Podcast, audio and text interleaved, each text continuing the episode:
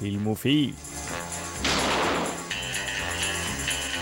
Studentradioens eget filmmagasin. Lights ready, all set. Cameras. Det er torsdag kveld, klokken er åtte i studio. Er det god stemning? Velkommen til Filmofil. Vi har Hans, Hallei. vi har Markus, God kveld. vi har Frida, Hei, hei. og Control Delete sin mørkeste og dypeste, deiligste stemme. Bård. Greetings. Kjempebra. I dag så skal vi prate om metafilm. Vi skal anmelde Operasjon Arktis og The Player, som var ukas hjemmelekse. Det er rett og slett meget god stemning, og ettersom Torgeir Valdemar skal spille på Samfunnet om bitte litt, så begynner vi like greit med Torgeir Valdemar. Det er bare så utrolig deilig musikk. Jeg har rett og slett ikke hørt på noe annet lenge. Jeg gleder meg sånn. Å, nei, det blir altfor bra. Ikke like bare nok som denne sendingen. Overhodet ikke. Så eh, jeg håper du har sett og satt deg godt til rette. Jeg håper du har tatt hodetelefonen langt inn i hodet. Og så kan du kose deg med en liten time med Filmofil nå. Kos deg. I'm on my way across the river.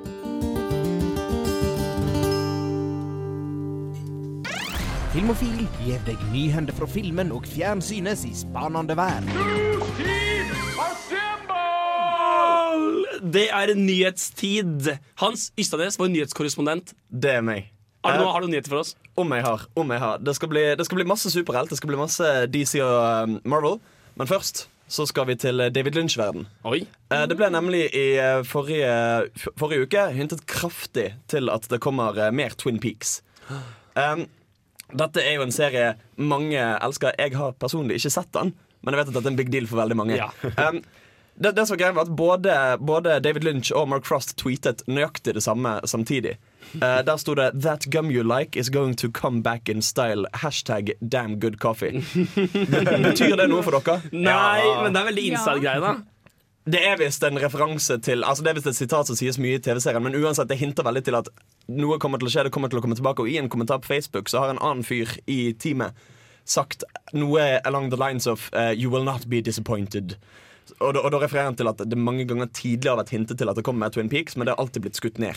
Eh, et av problemene er jo da at mange av skuespillerne som var med i originalserien, er enten fryktelig fryktelig gamle eller døde.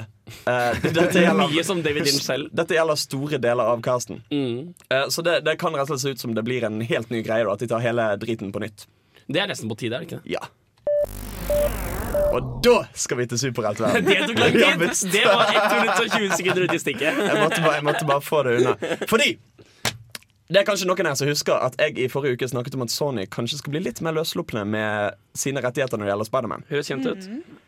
Det som gjorde at det var så jævlig fett, var at det kunne bety at Marvel og Marvel sitt filmunivers har tenkt å gå i retning Civil War. Og tror dere ikke vi fikk det bekreftet ganske noe nylig? Dette er helt sinnssykt, fordi at nå, nå, altså det, det er bare sånn svær Marvel-konspirasjon som plutselig gir mening. Fordi um, Robert Downey jr. avkreftet at Iron Man 4 kom til å komme. Ja. Og Hans kontrakt går ut, og Age Hans- of Ultron Avengers-filmen er siste han kommer til å ha mer på. Nei, det er det ikke. Nei, det er det ikke. Fordi det kommer en Captain America 3. Kan dere tippe hvem som skal være skurken i Captain America 3? Nei! Eh, Frida? Eh, Robert Downey jr. Robert Downey jr. som Iron Man. Nei, Iron Og, og, og Det det, sykt weird om han spilte type noen andre. det hadde det. Men, men, men dette, dette går mot Civil War. Ja, han kunne vært seg Men det går mot Civil War. Og for de av dere som ikke er så bevandret i Marvel-universet, så er dette da en event, som det heter. Som er en, en, som er en sånn stor ark som går over alle de forskjellige utgivelsene i Marvel-universet. Som handler om at de etter, etter en ulykke så blir det lagd en sånn um, Superhuman Registration Act. Som betyr at alle med superkrefter som driver med sånn superheltvirksomhet, må registrere seg hos staten. Eller bli jaktet ned av alle de andre superheltene som har registrert seg. Okay. Og Iron Man er liksom Han er fyren som står i spissen for hele dette prosjektet. Ja, Mens- det, det, dette reflekterer noe du pratet om for noen uker siden. Eller noen pratet om for noen uker siden Hvordan Iron Man i tegneseriene egentlig etter hvert blir en litt sånn ikke så likende type. Det har vært nevnt. Jeg Fascist? lurer på om sånn du. Frida, nevnte Ja. det. Ja, jo, jeg nevnte at uh, han ble laget som en sånn uh, right wing-type. Litt sånn asshole. I motsetning til hippie-fanskaren som var da de da den store superheltutgivelseperioden Mm, var, så var det Stan Lee som hadde lyst til å lage en superhelt folk bare måtte like. Så han bare tok liksom alle kjipe right wing-idealene og Ja. Satte dem sammen til Iron Man og bare passet på å gjøre han kul allikevel. Dette er jo morsomt, da, for det er jo litt sånn Tyskland 1936-stemning, Ja, hvor folk, folk av deres medfødte egenskaper skal registreres og liksom jaktes ned. Så det blir jo spennende. Alle liker jo Iron Man og Robert Downey jr., så kan vi få folk til å heie på sånn her uh, holocaust-stemning. Greia er at det var ikke en dårlig idé i tegneserien. Nei, fordi at du har en hel med tenåringer som kan ta og ødelegge byer med uhell, og du har lyst til å holde styr på dem. Det er bare det at utføringa var litt for masse Nazi-Tyskland! Og det er det som gjør konseptet veldig kult, nettopp det at det ikke er noen det, det, det er veldig nyansert uh, seriegreie. De sier aldri 'han har rett, han tar feil'. Det fins gode ting på begge sider av diskusjonen der. Og jeg håper det lar seg overføre til filmen. Mm. Uh, til slutt, uh, i dette stikket så skal vi snakke om DC Comics. For de slapp en enorm stor um, eh, release-greie hvor de snakket om 20 nye filmer som skal komme i oh, DC-universet. For nå, nå har de tenkt å ta igjen uh, Marvel, som allerede har et slags etablert univers. Ja, ja. Uh, så skal vi se, jeg har en liste her. Ikke bare kommer Justice League. Eh, det kommer en film som heter Suicide Squad, som virker som det skal være en slags skurkeversjon av Guardians of the Galaxy. Ja, eh, Suicide Squad er en hel haug med superskurker som er arrestert, og de får beskjed Vi tar og kutter vekk eh, år på eh, sentensen deres dersom dere bare tar en litt mercenary jobb for oss. Eh, der er da Will Smith og Ryan Gosling blant annet De høres litt fett ut, da. rekruttert. Høres litt fett ut. det skal komme en Wonder Woman-film. Endelig. vi får se både The Flash og Aquaman. Eh, vi får se Shazam. Jeg vet ikke helt hvordan det egentlig skal uttales. Det er med selveste Dwayne The Rock Johnson i hovedrollen. Wow. Eh, I hovedrollen. Jeg trodde han skulle være skurken Black Adam. Å gud, kanskje jeg har lest litt fort. Ja.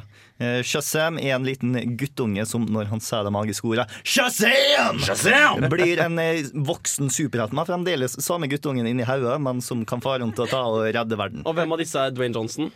Eh, Dwayne Johnson er Black? Adam, som er skurken. Oh, ja, nei, for jeg hadde alltid likt å se Dwayne Johnson i litt sånn method acting. Spille en tiåring. Det hadde fuckings vært noe. Ja, nei, eh, vi skal ha litt uh, låt. Uh, det er helt stille da, fordi jeg satte på feil kanal. Her har du musikk. Det er Ludvig Moon med Swim Dream på Radio Revolt på Film og Film.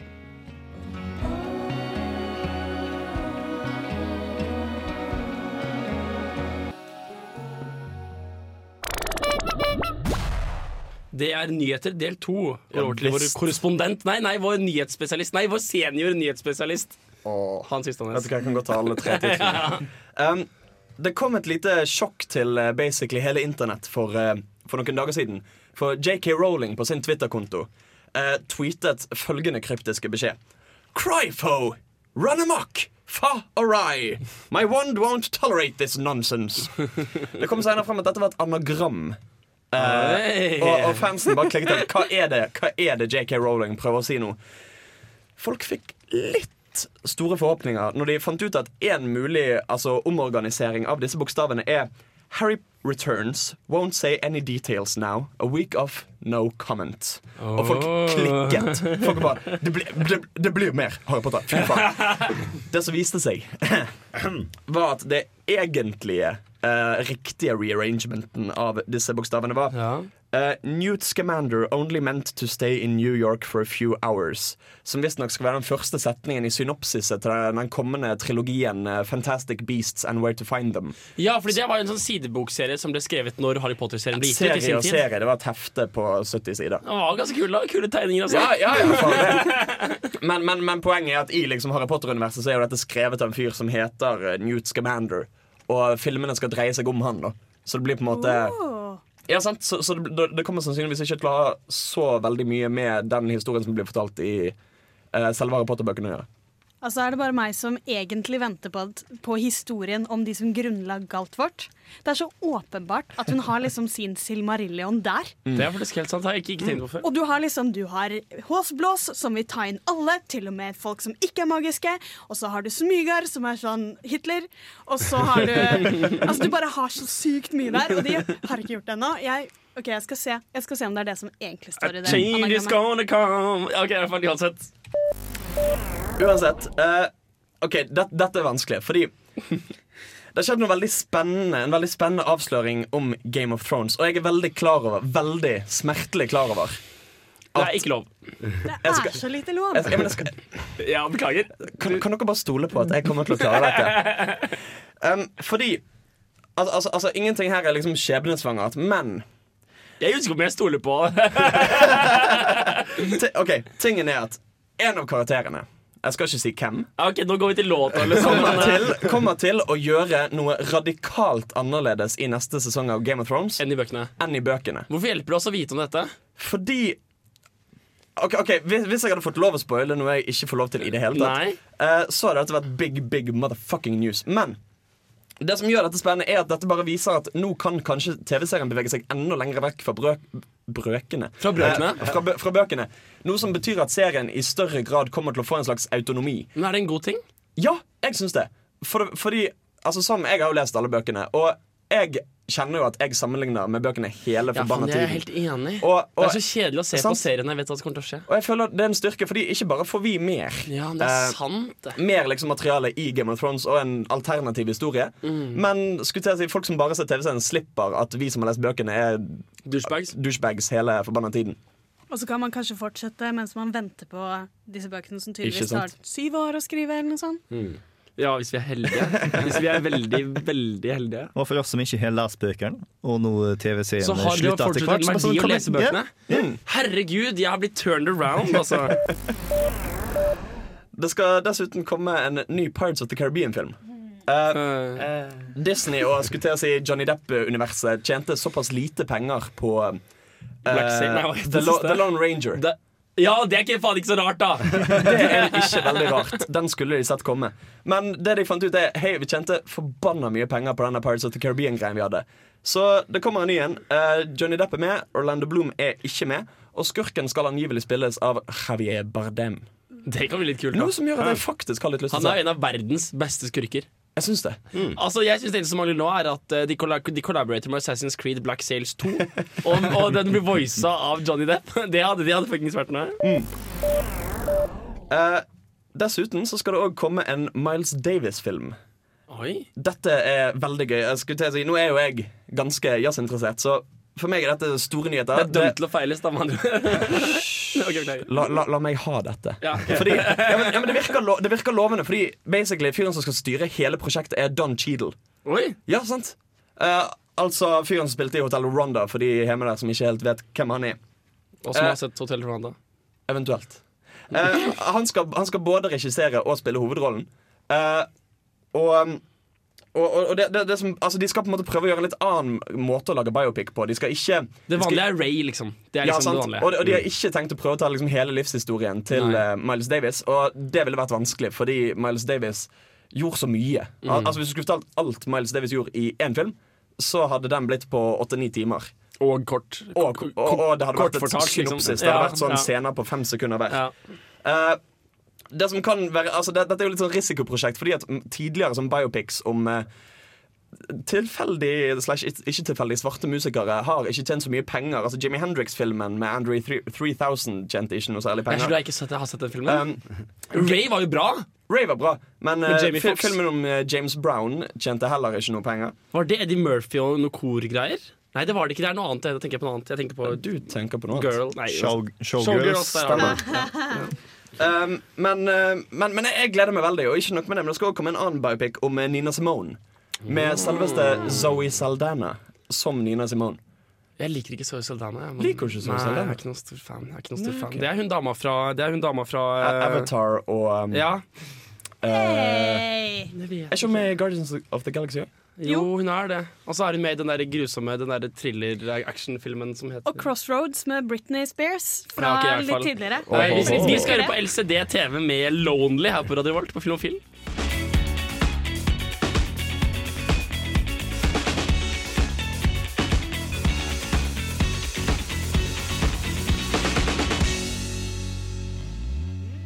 Det er kinoanmeldelsetid, det er Filmofil, og Jan Markus har sett Operasjon Arktis. Kan det stemme? Det har jeg. Jeg eh, dro på kino for å se den filmen her uten egentlig å vite så mye om den på forhånd, slik jeg liker å se film. Mm.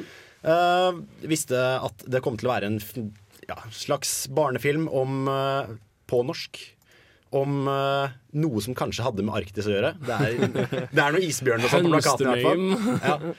Så jeg dro og så den her og ble Ja, hadde egentlig ingen forhåpninger, men eh, du kan jo egentlig høre hva jeg hadde å si om eh, filmen. Operasjon Arktis handler om en forsvarsfamilie som flytter fra sted til sted og fokuserer hovedsakelig på de tre barna i familien. 13-åringen Julia og småsøsknene Ida og Sindre. Etter at Sindre havner i trøbbel på skolen, stikker de tre av og ender opp på en flyplass hvor et Sea King-helikopter snart skal ta av mot Stavanger, deres gamle hjemby. I håp om å få besøke det gamle bostedet deres, sniker de tre seg om bord i helikopteret, som i siste liten får ordre om å dra på redningsoppdrag til Svalbard i stedet. De tre søsknene hopper usett av etter landing, og innser litt for sent at de befinner seg et helt annet sted enn det de forventet. Etterlatt isolert i isødet finner de en gammel hytte, og det er her de må finne ut hvordan de skal overleve og komme seg hjem. Får vi bli med deg til Stavanger? Nei, det går nok ikke, dessverre. Please! Nei, hva går det med dere? Sindre! Det er ikke lov til å gå inn der!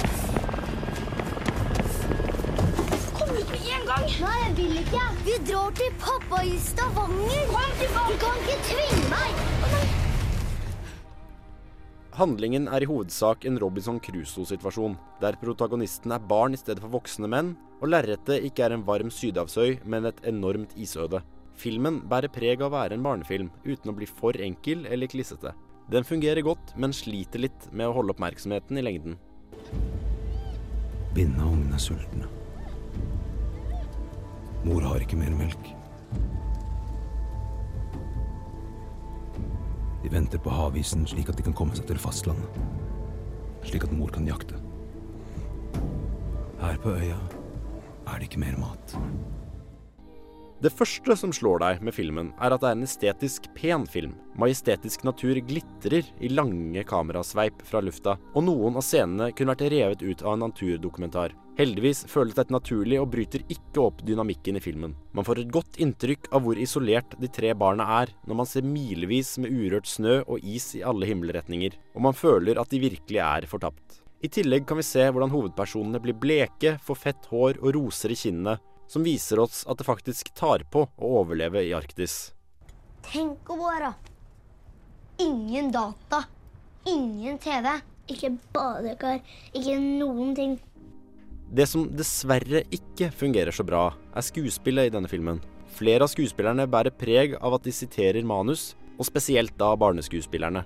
Derimot virker det av og til som om barna har fått frie tøyler mens kameraet går, og i disse scenene fungerer skuespillet best. Ettersom relativt lite skjer over lengre tidsperioder inni det skuret de tre har søkt tilflukt, sliter filmen med å holde tempoet og interessen oppe. Kanskje da spesielt for det yngre publikummet det siktes mot. Bare bli her, dere. Jeg går og finner folk som kan hjelpe oss med å ringe mamma og pappa. Jeg vil være med. Jeg går raskere, og da kommer jeg fortere fram. OK, men fort deg. Målgruppen her er åpenbart barn i samme alder som Julie og søsknene hennes. Utfordringen blir å skildre en potensielt dødelig overlevelsessituasjon uten å gjøre det for groteskt eller makabert for publikum. Her er kanskje filmen på sitt aller beste. Håpet går opp og ned etter hvert som situasjonen utvikler seg, og de tre må tilpasse seg for å ha noen sjanse til å klare seg i det hele tatt. Filmen blander barnslig godtroenhet med likegyldig og brutal natur, og viser hva man er nødt til å tåle når det ikke er noen kjære mor lenger.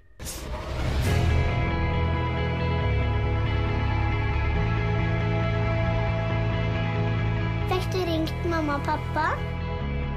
Åh, skal vi gå ut og leke litt? Vi har fulgt opp all offentlig kommunikasjon, men så langt ingen tegn til barna.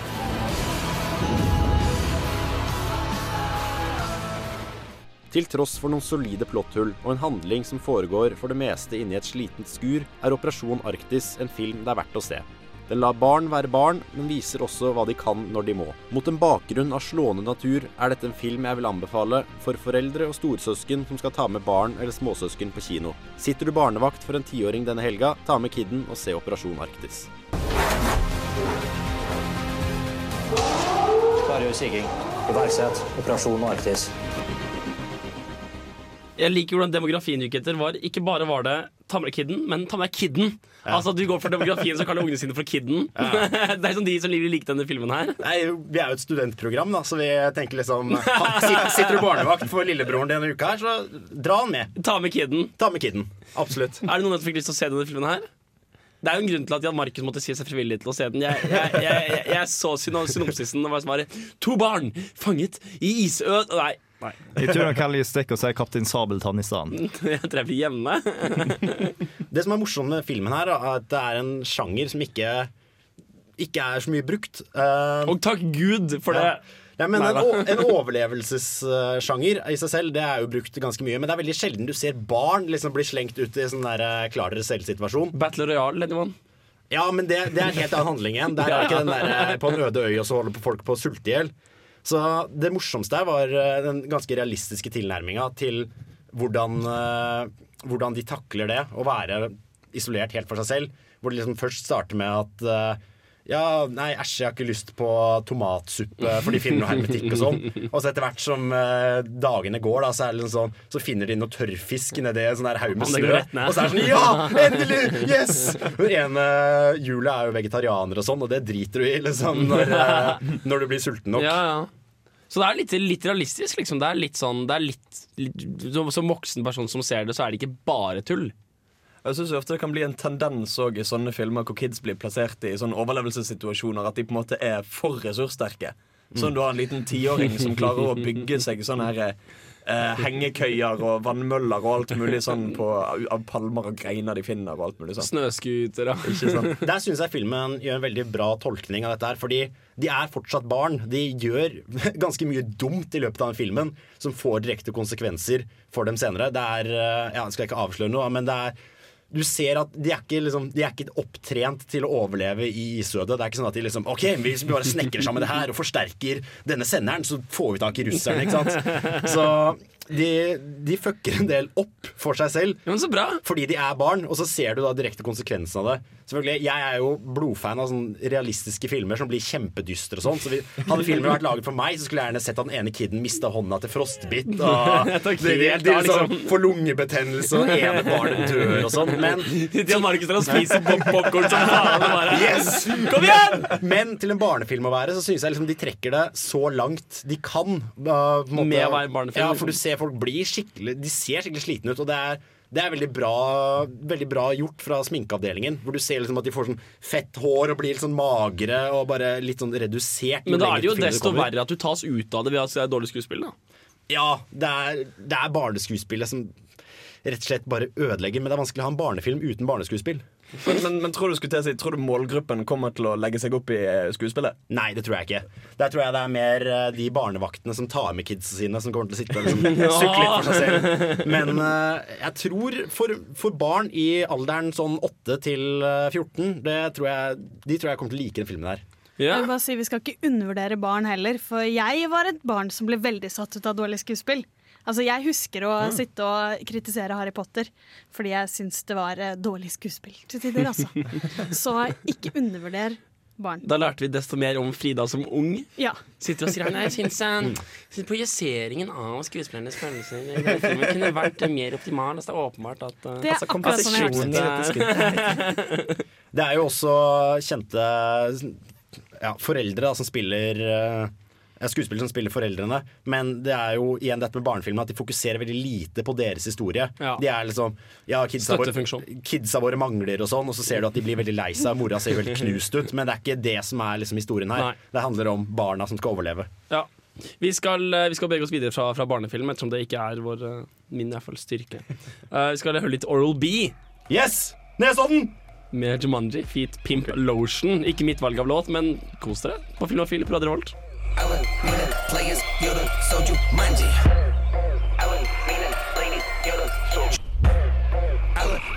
Ladies, Yoda, Soju, Manji. Skulle det være en remake på Jumanji også? Har dere ikke også snakket om det? Hmm.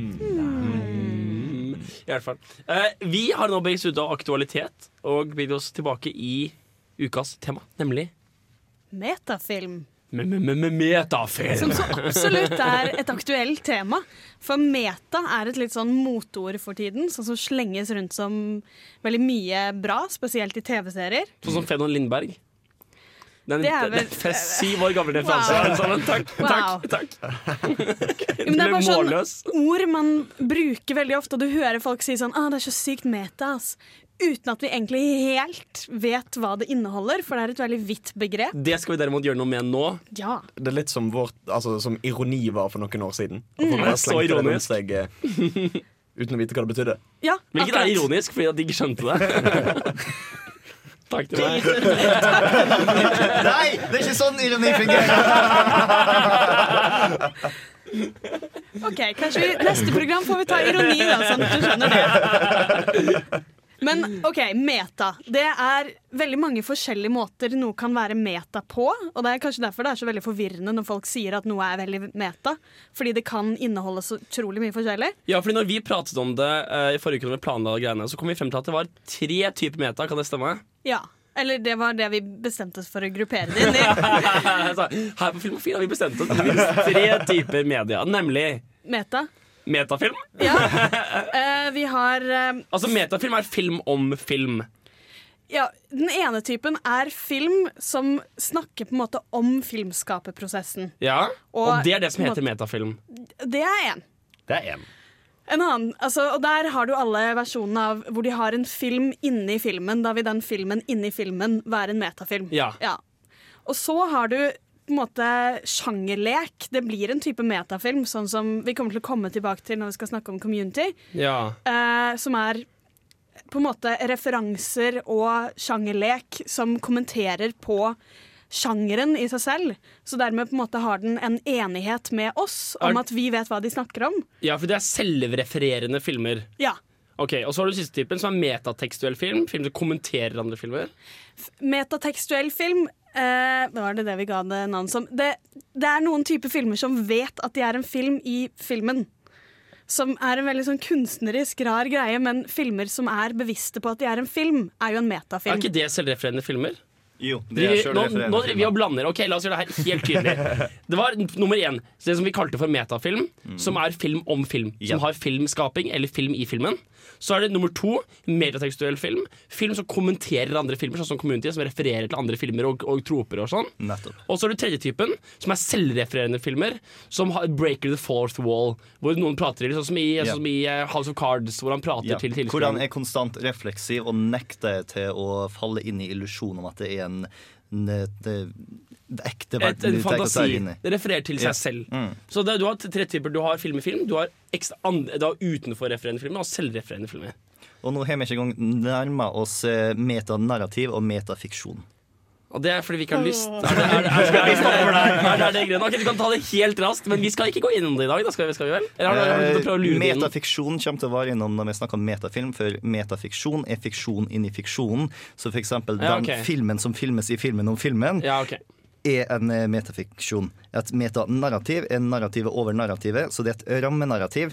Så eksempel i en antologifilm hvor du har sånn fire forskjellige små historier, så har du en stor historie over der hvor du tar og introduserer deg og snakker litt om deg, før du går tilbake til neste antologifilm. Forestill dere en tyrefekterrenna med tak over. Oppå taket står det en eh, dirigent som dirigerer overtyren til overtyren over taket. Under taket så er det en Nei, ok, greit. Jeg er sikker på at alle som ikke skjønte eller hadde problemer med å forstå Inception, de har, de har forsvunnet nå. Ja, de- de kan helt fint spole frem det er så mange nivåer nedover her at vi kommer ikke til bånn. Vi skal høre på eh, vi, Mens vi liksom da tydeliggjører det her, og jeg skal finne resten av den der overtyren over taket-vitsen, så har vi Ora Orango med 'Diggin' for Praise' på Filmofil på Radio, Radio Revolt.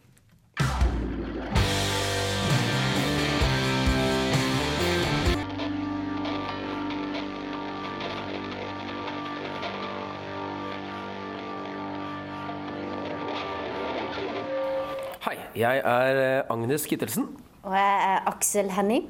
og det er viktig at eh, dere hører på Filmofil. Filmofil. For putting in the hard work.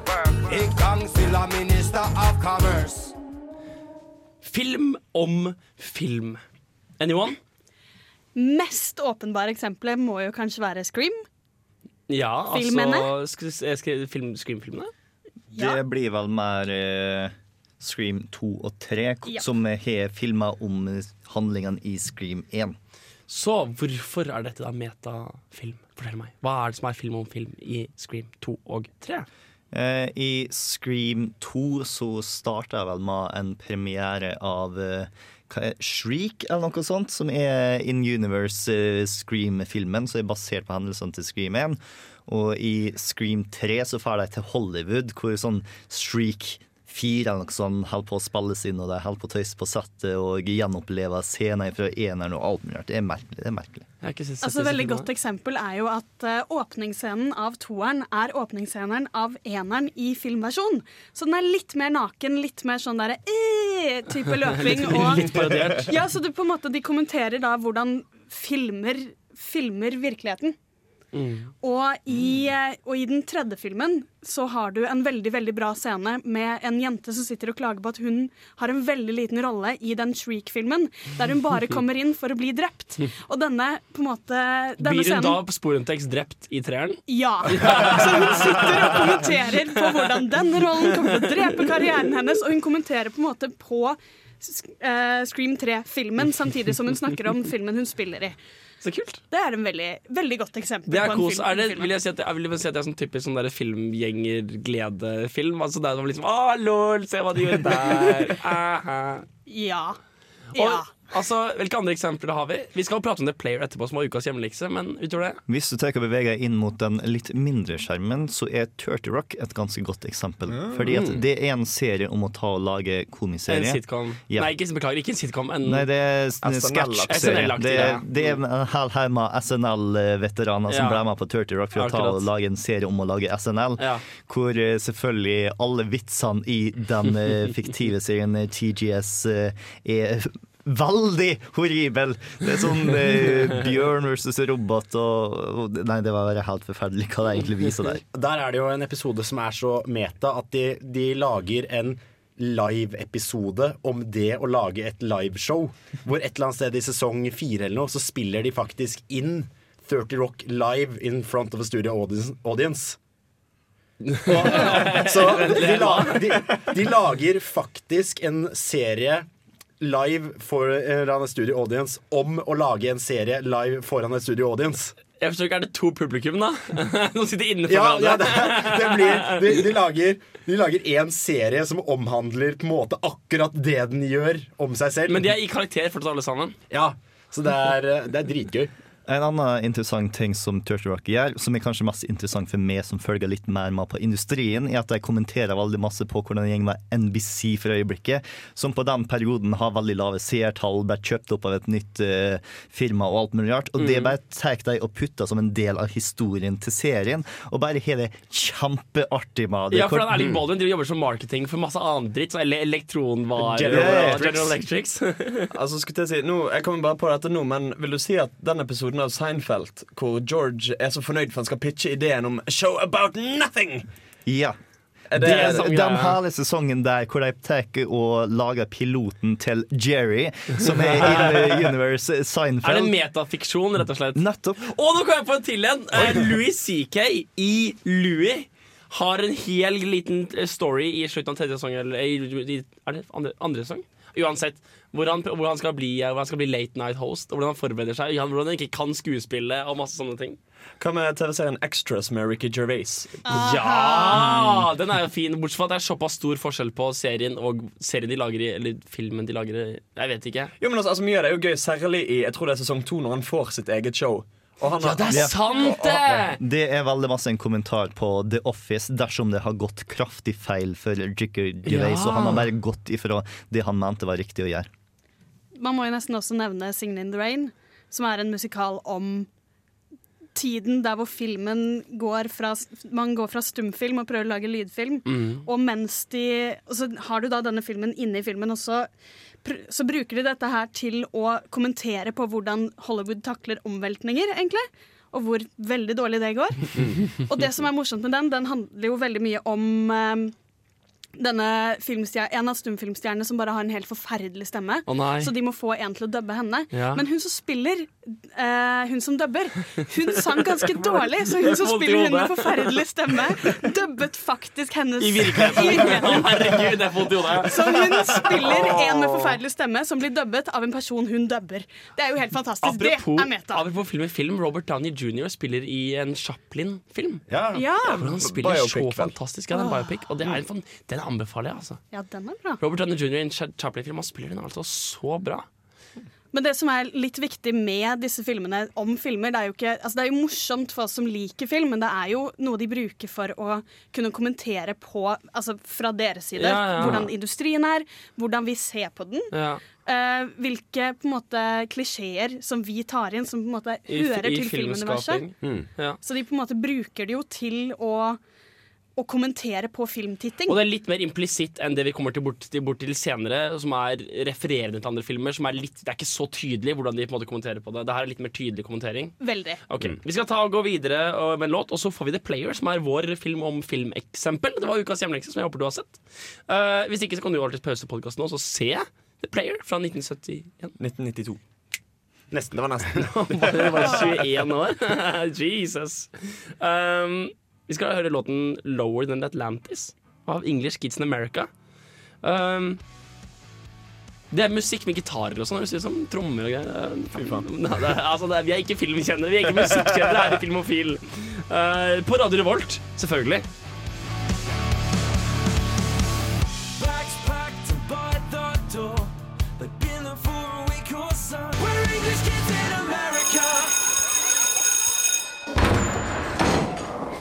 Will be no foolish wand waving or silly incantations in this class. No, okay, that's it for the day then. Today, we have a similar debate over this. Anyone know what this is, class? Anyone? Anyone? Anyone seen this before? Ukens hjemmelekse. Ukens hjemmelekse. Her på Filmofil. Og så stillhet. Sånn kjempelenge. Det er det som er så bra med Pink Floyd. De har liksom plass til å ha stillhet i musikken sin. Vi burde ha det på radio.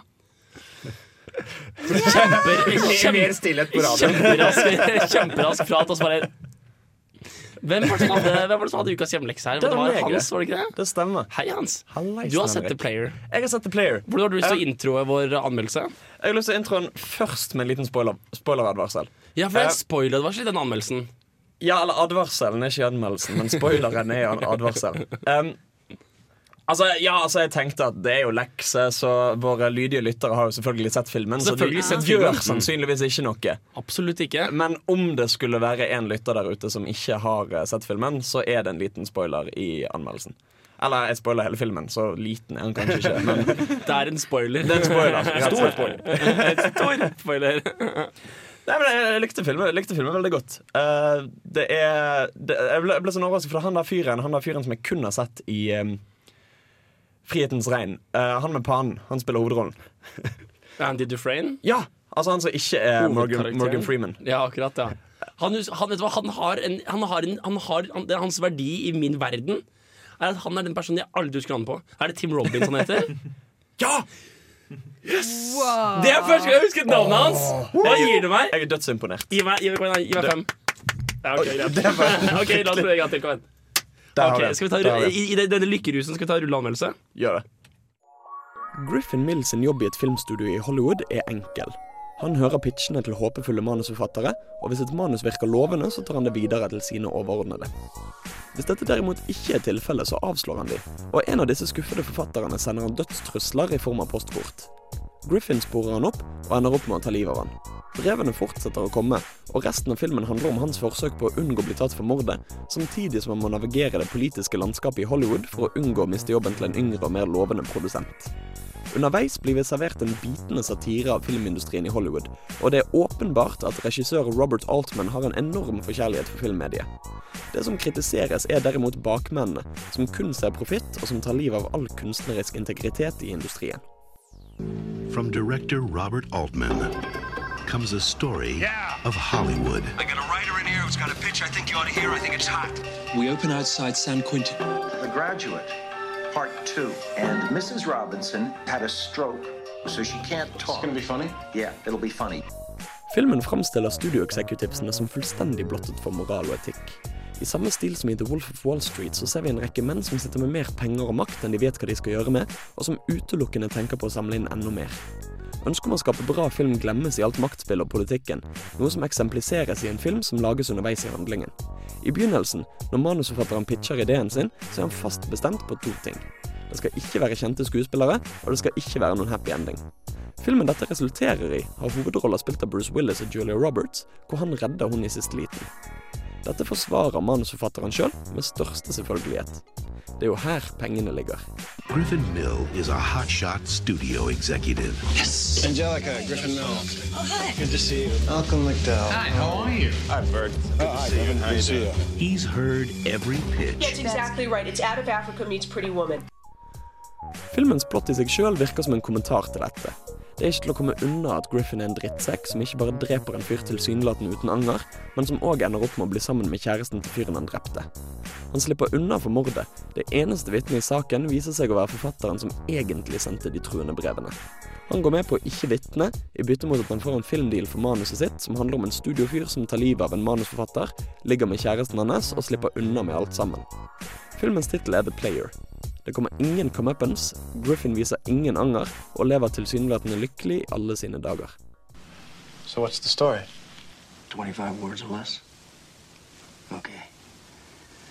Movie exec calls writer. Writer's girlfriend says he's at the movies. Exec goes to the movies, meets writer, drinks with writer. Writer gets conked and dies in four inches of dirty water. Movie exec is in deep shit. What do you think? Filmen er åpenbart ment som en kritikk av filmindustrien, men òg som en hyllest av filmkunsten. Åpningsscenen er filmet i ett åtteminutters take, og starter med at noen nevner en gammel film hvor de gjorde det samme. Det virker som om de prøver å vise at evnen til å skape filmkunst fortsatt er der, men at sjansene aldri byr seg. Det som derimot blir utydelig, er om de mener at The Player er et unntak eller et eksempel på dette. De grådige studiotoppene snakker om hva som selger i film. Sex, vold, kjente navn og happy endings. The Player har alle disse, men jeg vet ikke helt om han er et unntak bare fordi han er klar over dette. Uansett, han er smart, underholdende og spennende, og jeg vil anbefale han til alle som liker film. You took her to a party, Griffin, with several hundred of my best friends. Do places like this really exist? Only in movies. Hva var det siste der? Only in movies. Å ja, Only in Movies. Ja. Sånn for litt sånn hei, Hei. Men jeg syns du sa at det ikke var en fin slutt på filmen. Jeg synes du sa han kom unna med det. Ja, ja, men det er på en måte i, I forhold til han er det jo en happy ending. Altså Han slipper unna med alt sammen. Ah, Um, for for det, Redefinert happy ending for meg i forhold til mange filmer. jo, for han går rundt hele tiden og freaker ut fordi både er liksom, han etterforskes av politiet for Mm. eh, dette drapet. Fordi politifolkene vet jo at det er han. De Mm. bare har ikke bevis eh, nok til å felle han. Eh, samtidig som han stadig mottar brev fra forfatteren eh, som egentlig sendte han disse brevene i utgangspunktet. Jeg tror vi muligens har, har klemt oss litt opp i et hjørne med å velge meta som film, for det er et helvete å forklare alle disse filmene her. Men, men, men, men poenget er at for han så er det jo en lykkelig slutt, for han slipper unna med alt sammen. Han eh, ender opp med å gifte seg med, med damen som var kjæresten til forfatteren han drepte. Og, og han ender opp med å bli sjef i studioet han jobbet i, og alt ordner seg. Everything's coming up Griffin, liksom. Um, det, det, er jo ikke, det er jo ikke en til å si, moralsk riktig slutt, og han får jo aldri så fortjent. Uh, han, er, han er jo en drittsekk. Ja. Det er ikke til å komme unna. Men film presenterer han som dritt, drittsekk. Er det litt meningen? Litt som Wolf of Wall Street? Ja, handler jo litt om at man ikke straffer de som er kjipe, sånn i virkelig livet, sånn at de ikke vil gjøre det filmatisk, sånn at vi skal sitte her og føle sånn Å, heldigvis, vi tok de slemme. Og at de på en måte prøver å kommentere at de kjipe Hollywood executives, de gjør ganske hva de vil. Absolutt. Og, og det de ofte snakker om i filmen òg, er jo hvordan de hvordan, de har lyst til å shoehorne inn disse tingene som liksom er viktig for å for, for å selge filmer. da At det skal være, det skal være sex filmen, det skal være vold i filmen, det skal være en lykkelig slutt. Og alt sånn Og at kanskje filmens plott i seg sjøl er en kommentar på nettopp det at det er ikke nødvendigvis den riktige slutten, men det er slutten som ville kommet fordi at sånn er filmindustrien. At det blir en kommentar i så måte. Det er veldig interessant da, det med politikk i Hollywood og hva det er som selger film. Det er jo uh, sånn som du sier, at de kjøper rettighetene til forskjellige, forskjellige manus og sånn. Der er det jo Studioer kjøper jo ti ganger så mange manus som de faktisk produserer. Og av og til, det er jo Disney for eksempel, lagde jo en gang en hockeyfilm og kjøpte da opp alle andre lovende hockeyfilmmanus det året for at de ikke skulle ha noen å konkurrere med. Så det er eh, Og sånn også med Ofte med manus så er det da at de skriver en eh, spennende og liksom original idé, og så finner de ut at for eksempel Oi, hvis vi skriver om den her litt, så er jo det en Die Hard-film. Og den selger enda bedre. For eksempel Die Hard 4 var aldri en Die Hard-film. Men så fant de ut i etterkant at de kjøpte manuset. Så tenkte de ok, det her er en ny, original idé, men den selger bedre hvis det er Die Hard 4 og Bruce Willis er med. Hvilken er fireren? Den der Die Hard and Live Free hvor han kjører opp på et fly og så hopper han ned på bilen. Å ja, 4.0, Live Free or Die Hard. Den var jo fet. Die Hard with Vengeance var for øvrig også et manus som ble gjort om til en Die Hard-film. Die Hard i New York var ikke Det var en original Die Hard-film. Nei. Det var With a Vengeance. Fuck ja. meg. ok, greit. Min, Det er, min, stort min sett, Die Hard det er stort sett kun den første Die Hard som var basert på en bok, og så var Die Hard 2 bare, Det er paradoksalt nok den filmen jeg syns er minst Die Hard-ete av alle Die Hard-filmene. jeg synes selv, selv femmeren er mer Die Nei, det er det ikke. Never mind. Jeg tar det tilbake. femmeren sugde av så hardt. Jeg beklager, jeg må si det. Jeg har ikke sett en eneste Die det Hard-film. Oh, ja, wow. Ok, du må se, du må se With a Vengeance. Så må du se fireren fordi Kevin Smith er med. Jeg vet ikke hvilken av de er With a Vengeance. Det er treeren. Det er nummer tre. Men eneren er absolutt å anbefale. En av de beste Bare tull. actionfilmene som finnes. Nei, jeg er ikke enig. Jeg, er ikke enig. jeg, vet ikke, jeg liker den ikke. Ja, det, er, det, er, det er The Bad Guy. Det er det eneste som er bra med eneren. Den er jo så jul! Den er liksom jul. Det er ringer weird julen inn meg. Det er weird for meg. Die Eneren er i høyhuset, toeren er på flyplassen, og treeren er med Sam Jackson i New York. Å, fy faen. Det er så bra.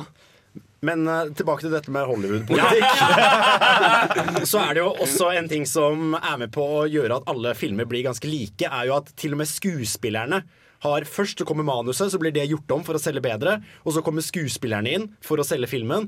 Og skuespillerne har igjen sine manusforfattere som går igjennom og sørger Mm. for at for eksempel Will Smith har en egen fyr som går inn og ser på dette manuset her. Og liksom, okay, Er det Will Smith-ete Ja, nok, liksom? Er det Will Smith-ete nok?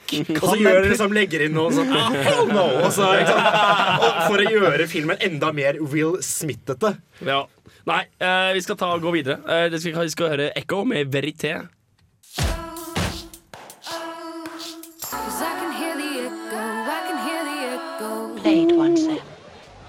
Det er jo alltid å ha musikk når den er påtent.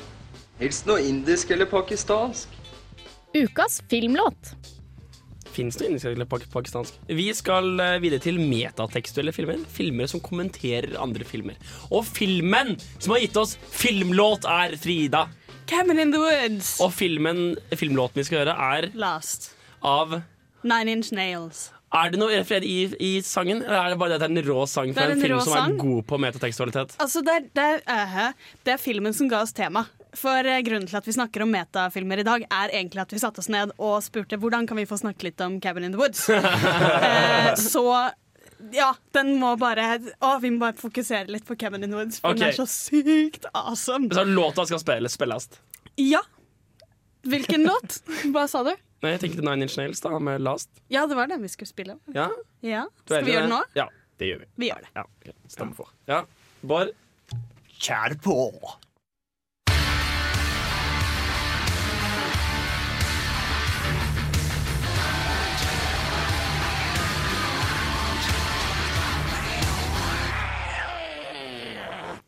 Da har vi kommet til metatekstuell film, fordi Cabin in the Woods er metatekstuell film. Ja. Det er, eh, og med det så mener vi jo da en film som kommenterer på andre verker. Mm. Og Cabin in the Woods er jo litt sånn som Scream. Um, en film som dekonstruerer eh, og kommenterer på skrekkfilmer. Mm. Og bruker på en måte det at de vet at vi som sitter og ser på, har sett skrekkfilmer før. Mm. Og driver og spiller på hva vi forventer av en skrekkfilm. Og kommentere på hvorfor de er som de er, da. Mm. Og så skal det jo sies at vi la ut på Facebook Så la vi ut en liten forkortet manus av, eh, av, eh, av Cabin in the Woods. Så gå inn og sjekke der, for det er veldig kul liten sånn link med en liksom forkortet eh, screenwriters versjon. Før vi fortsetter, så vil jeg bare ta og påpeke at det er en forskjell mellom en metatekstuell film og en parodi. For eh, mens eh, Scream er en metatekstuell film, så er ikke Scary Movie en metatekstuell film. I hvert fall ikke for det aller meste. For det aller meste så er det en intertekstuell eh, film, hvor de tar inn scener fra andre filmer og spiller rundt på det. De kritiserer ikke hva de filmene har gjort, de bare låner fra det og har det artig med det. Ja, det harselerer med det? Ja. Ok. Og uh, Scary Movie 2 er en hypertekstuell film, fordi at den bygger videre på Scary Movie 1. Vi skal ikke gå inn på paratekstualitet og parateksualitet Skal vi se, not- Notatboka er begynner å bli full. ja, ja, ikke bare full, men forvirrende. Diagrammer på veggene med røde tråder mellom. Vi lærte dette i et fag hvor faktisk The Player var pensum. Hva het det, det faget? Eh, Det, det, det er et fag. Et, fa, et fag om fag. Filmvitenskap. ok, greit. Det, var, litt kjedelig. Kunne ikke godt valgt et morsommere navn på det faget, da. Men det er jo på en måte det som er kult med akkurat uh, metatekstualitet, er jo at de som filmer om film, kan på en måte kommentere på hva vi forventer. Hvordan vi ser på film. Hvordan vi bruker film til å forstå verden bedre. Ikke film om bedre. film, nå snakker du om metatekstualitet. Ja, men om film om jeg film? sa det at film om film gjorde det også. Og meta, ah. det, ah. det metatekstuelle kan jo også kommentere på det gjennom at de starter noe vi tror vi vet hvordan kommer til å ende, fordi Mm. vi har sett filmer som ligner før, og så bryter de det opp, og så gjør de det annerledes. Og på den måten så kommenterer de da på hva vi forventer, og hva vi mener om en, om film om, og virkeligheten. Men altså for forskjellen, jeg vil si en forskjell, likhetstrekk-forskjell, Man kan se Cabin in the Woods uten å vite om at det er referanser til masse andre ting. Ja, ja, ja. I forskjell til for eksempel The Player, hvor det er helt tydelig at den snakker om å lage film. Den snakker tydeligvis om kulturen din å snakke film, mens i The Cabin in the Woods kan du se helt uten å forstå noen referanser. Du kan gjøre det, men du får så utrolig masse mer ut av det hvis du har sett Scooby-Doo. Hvis du har sett absolutt alle skrekkfilmer som har vært de siste 30 årene. Definitivt. Det gjelder jo til en viss grad også hvis du kan masse filmvitenskap. Så vil du få mye Mm. mer ut av enhver filmshot. For du ser, å, der gjør han det der, å, der gjør han det der, å, det var sykt pen Dolly-bruk, liksom.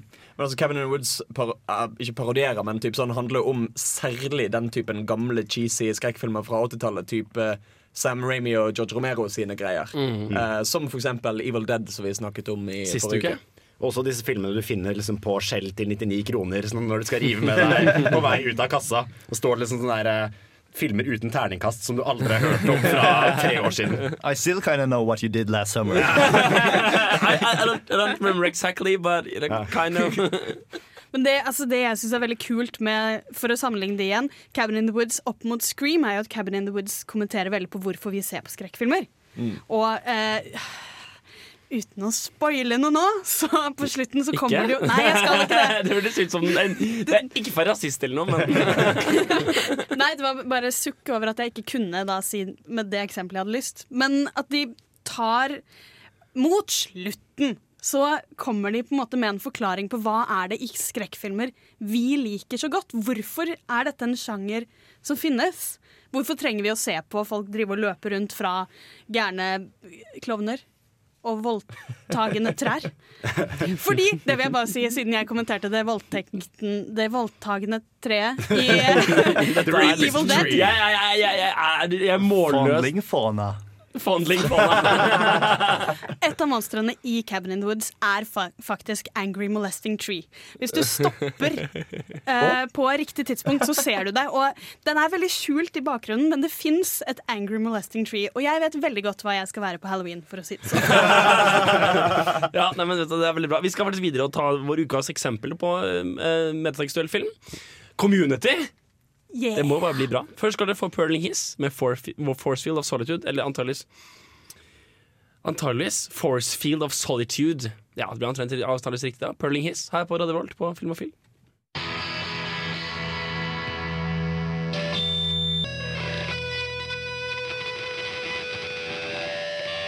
For et program i burra med både klasse og stil. Du hører på Filmofil.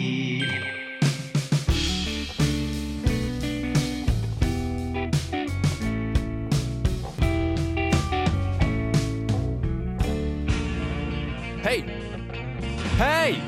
Det er ikke 90s sitcom-flashback. Ta og Skru på noe annet. Ja, bedre, men prøv igjen. Der, ja! Ahem. Filmofil presenterer ukas serie. Somebody said it could be here, it could be round the end of the year. Ja, det er community. Det er community. Yeah. Eh, Dette var en metatekstuell serie. Ja. Hvorfor det? Hvorfor det? Ikke hvorfor, hvordan. hvordan? Hvorfor det? Eller fordi Dan Harmon kjennet kjedet seg en dag? Altså, Den er jo metatekstuell fordi den refererer helt sykt mye til andre verk. Mm. Ok, Før vi går inn på noe annet, så har jeg tenkt å bare forklare dere hva community handler om.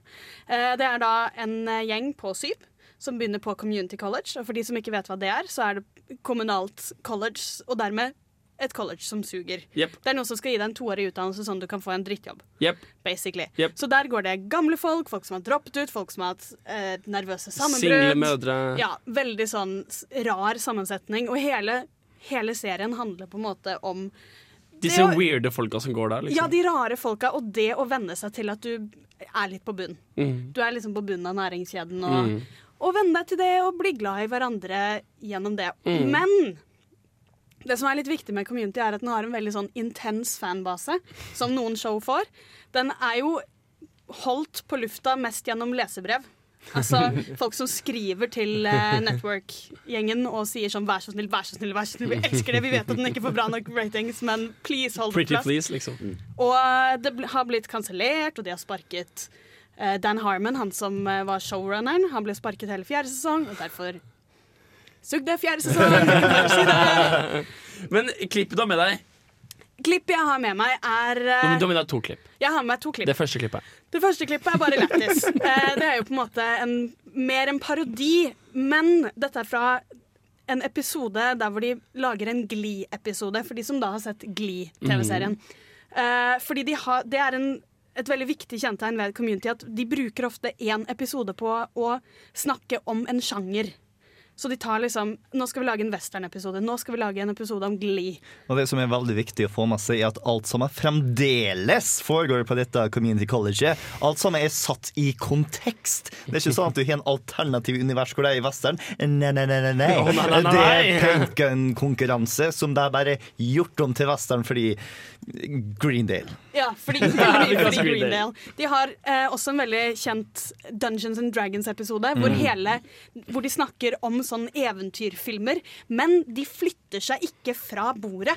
De sitter alle sammen rundt et bord, og så er liksom alt sjangerspesifikt med eventyrfilmer er bare hvor sykt mye de lever seg inn i det. Ja. Uh, dette her er da fra Gli-episoden, hvor de kommenterer litt hvordan um, Hele den episoden handler jo åpenbart om Gli, og om det litt sånn absurde med å bryte ut i sang jevnlig, og hvor sykt glad folk er i musikaler. Uh, og i, i denne episoden så er på en måte det å bli grepet av musikaltrangen Det er litt sånn halvveis sett på som en sykdom. Du blir smittet når folk synger til deg. Så dette her er da en eh, Det er da Annie som skal overbevise Jeff om å bli med i The Glee Club. Og det er også da en greie at Jeff og Annie har en litt sånn vordende sånn kjærlighetsting, og hun er da påkledd en veldig sexy Santa-suit. Ja. Og spiller da på denne, femini, denne liksom klassiske feministiske fremstillingen eh, fe, Den klassiske feminine fremstillingen av å være litt teit og sexy. Hun skal òg foreslå å være 18 år gammel, mens Ja. Jeff skal foreslå å være nesten 40. Ja. Det er litt creepy, men eh, det handler på. jo på en måte om det litt creepy med sånn Santa Baby-julesanger. Vi kjører på. Eh, jeg vet ikke jeg vet ikke hva som skjedde. Jeg trykket på knappen. Der kom det. Det tok ikke lang tid over det. This is just one of the many costume changes I'll be doing during the show. We're shooing for regionals, right? Annie, you too? This is beneath you. You are an intelligent woman. Also, you're Jewish. I guess I have a lot to learn about holiday tradition.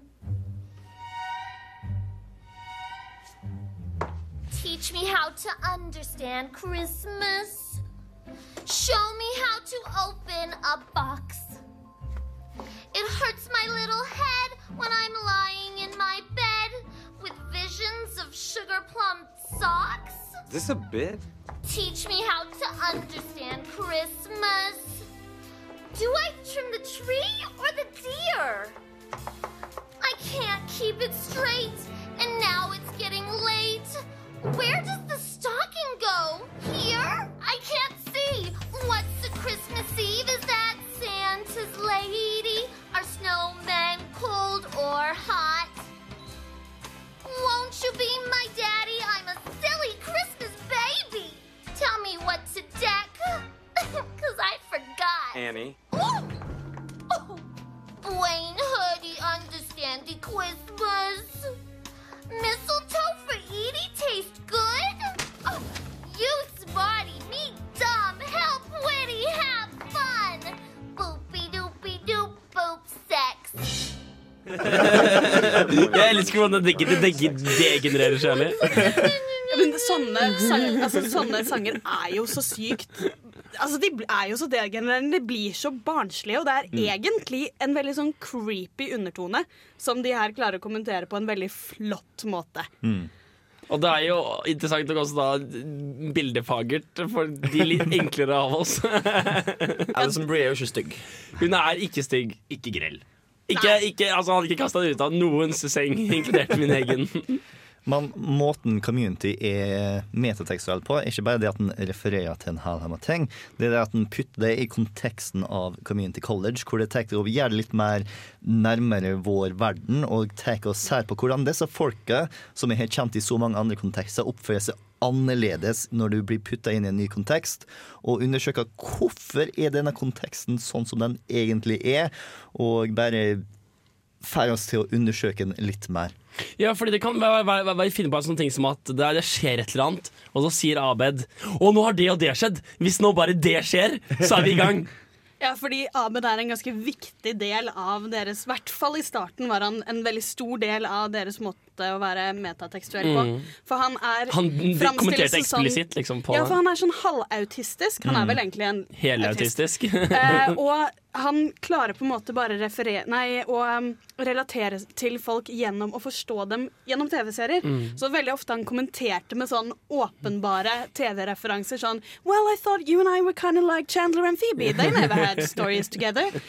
Og på en måte hele tiden har masse sånne Han driver og lager voiceovers på de andre. Liksom. Ja, ja. This is the first time Jeff uh, realized his insecurities. Ja, ja. Mens Jeff sitter der og er sånn Kan du, "Ah, kan du slutte å filme meg? Ja. Ja. Hva er klippet vi skal høre på nå? Uh, nå skal vi høre på en, eh, en del uh... Lo du litt inni deg mens du tenkte på det? Jeg gjorde det. Uh, dette her er egentlig der hvor de prøver en sånn tegneserietrope. Uh, som Det blir åpenbart hva det er. Eh, og det på en måte er en veldig tydelig eh, en veldig tydelig eksempel av hvordan de tar noe vi forventer at vi vet hvordan det skal gå, og så på en måte snur de på det. De lar det skje på ordentlig. Så det som har skjedd her, er at uh, de to karakterer har brutt seg inn i et uh, kontor. Mm. Og så står da Annie står vakt. Mm. Det er det som har skjedd før. Åh, det er det sånn når de begynner bare å kloroforme folk tilfeldig? Å, dritfett! Ja. Ok, jeg Beklager ikke for ikke for å spoile noe. Det er, det er gøy uansett. Det er gøy uansett. Excuse me? Who are you guys? This is not your office. I can explain.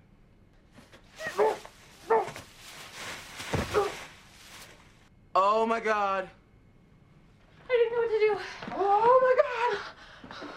I usually have one foot out of reality, and even I'm freaking out right now. You chloroform the janitor? Stop yelling at me! You're the ones that got caught! You're the one who's yelling? We're in big trouble! We have to do something! Oh, I don't know what to do. My whole brain is crying. Oh, oh. Okay, guys, guys, guys! Hey, hey, I have an idea. Okay, it may sound a little weird, but trust me.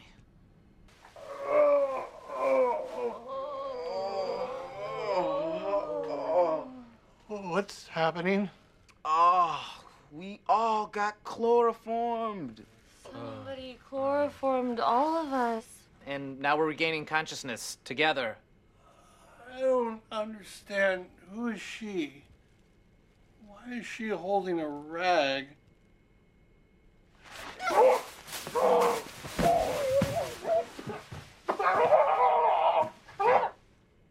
Okay, that was the worst idea ever. Can we please just run away now?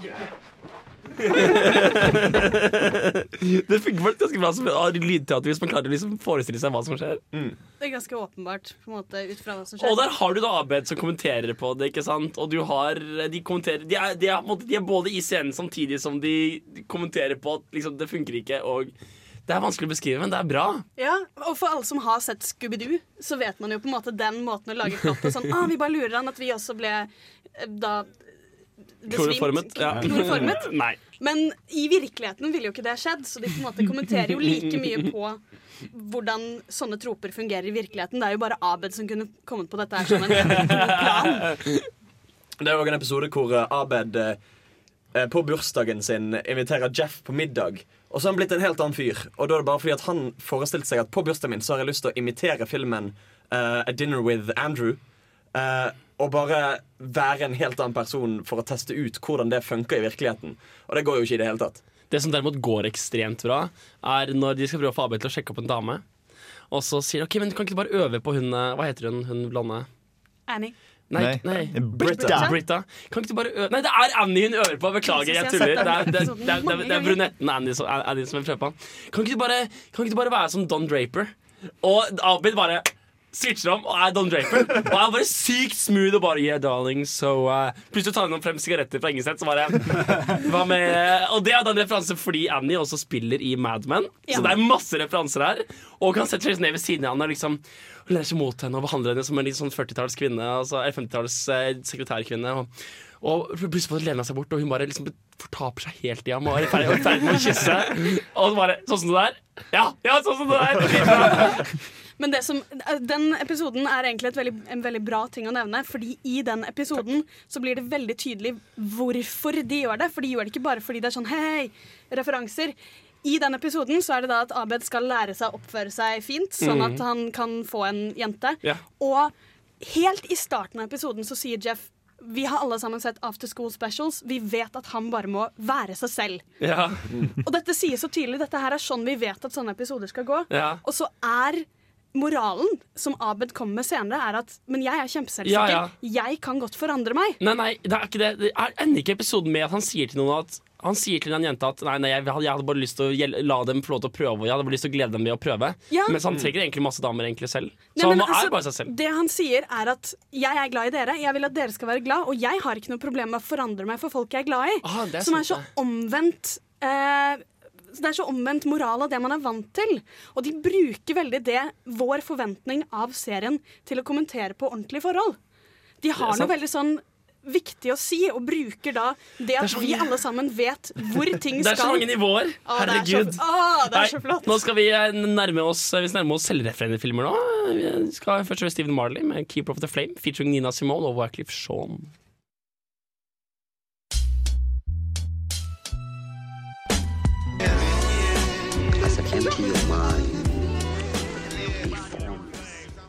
Ja, vi har kommet til selvrefererende filmer her på Filmofil. Eh, vi har to eksempler på det, har vi ikke det? Frida?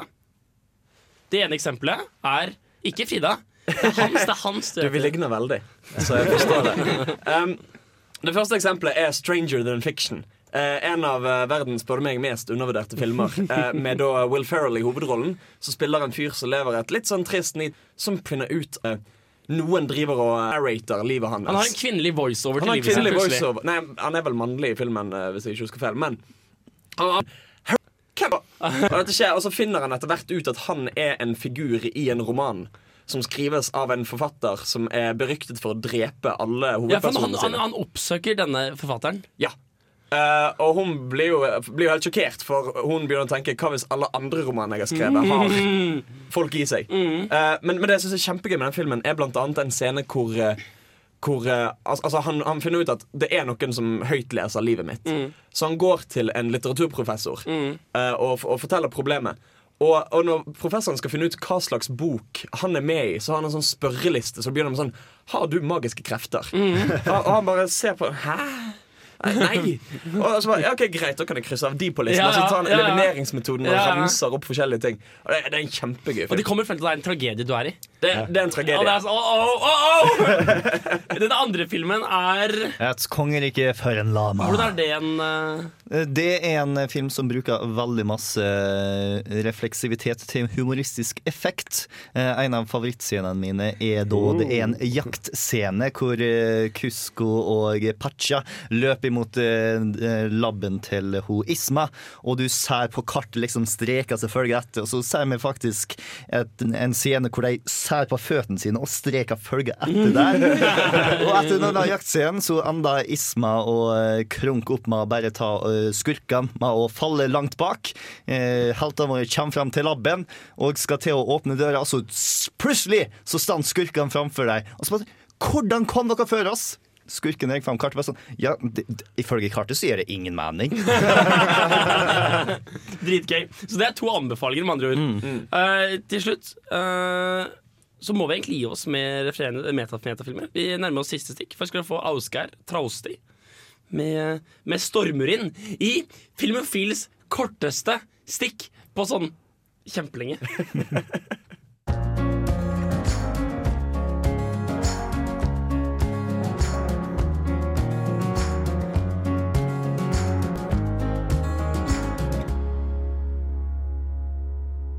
Vi har 61 sekunder. Hva er neste ukes tema? Neste ukes tema er high school og college-filmer.